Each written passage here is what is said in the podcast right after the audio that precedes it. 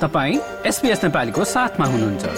अरू रोचक सामग्रीहरूका लागि SBS dot com dot slash Nepali जानुहोस्।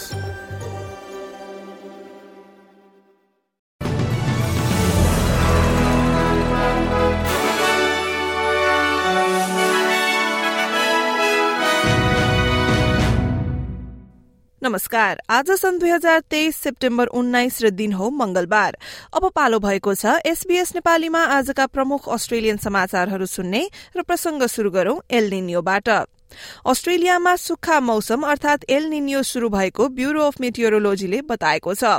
विश्व स्वास्थ्य संगठनले एल निनियोको घोषणा गरेको दुई महिनापछि ब्यूरोबाट पनि उक्त भनाई आएको हो।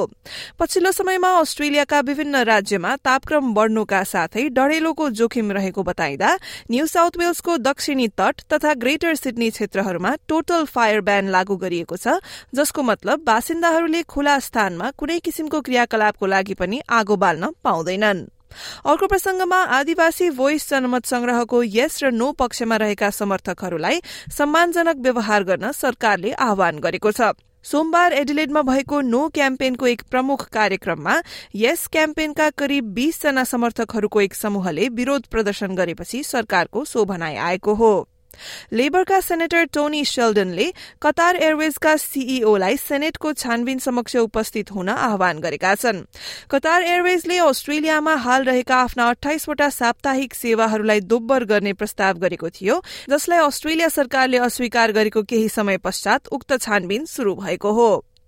अस्ट्रेलियामा लागू पदार्थको अत्यधिक सेवन अर्थात ड्रग ओभरडोजका कारण तुलनात्मक रूपमा गैर आदिवासीहरूको भन्दा आदिवासी अस्ट्रेलियनहरूको मृत्यु हुने गरेको नयाँ तथ्याङ्कले जनाएको छ।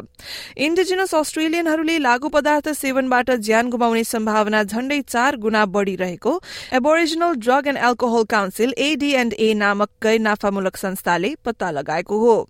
अब आजको खेलकुद समाचारमा एएफएललाई जोड्दै खुट्टामा चोट लागेका ब्रिस्बेन लायन्सका डिफेन्डर ज्याक पेन कार्लटनसँगको प्रिलिमिनरी फाइनल खेलमा खेल्छन् या खेल्दैनन् भन्ने कुरा अझै निश्चित छैन। पूर्व खेलाड़ी मार्कस एडम्सले छोडेपछि टोलीका लागि पेनले महत्वपूर्ण स्थान ओगटेका छन्। हस्त यसका साथ एसबीएस नेपालीबाट आजका लागि प्रमुख समाचार यति नै। तपाई सुरक्षित रहनुहोस्। नमस्ते।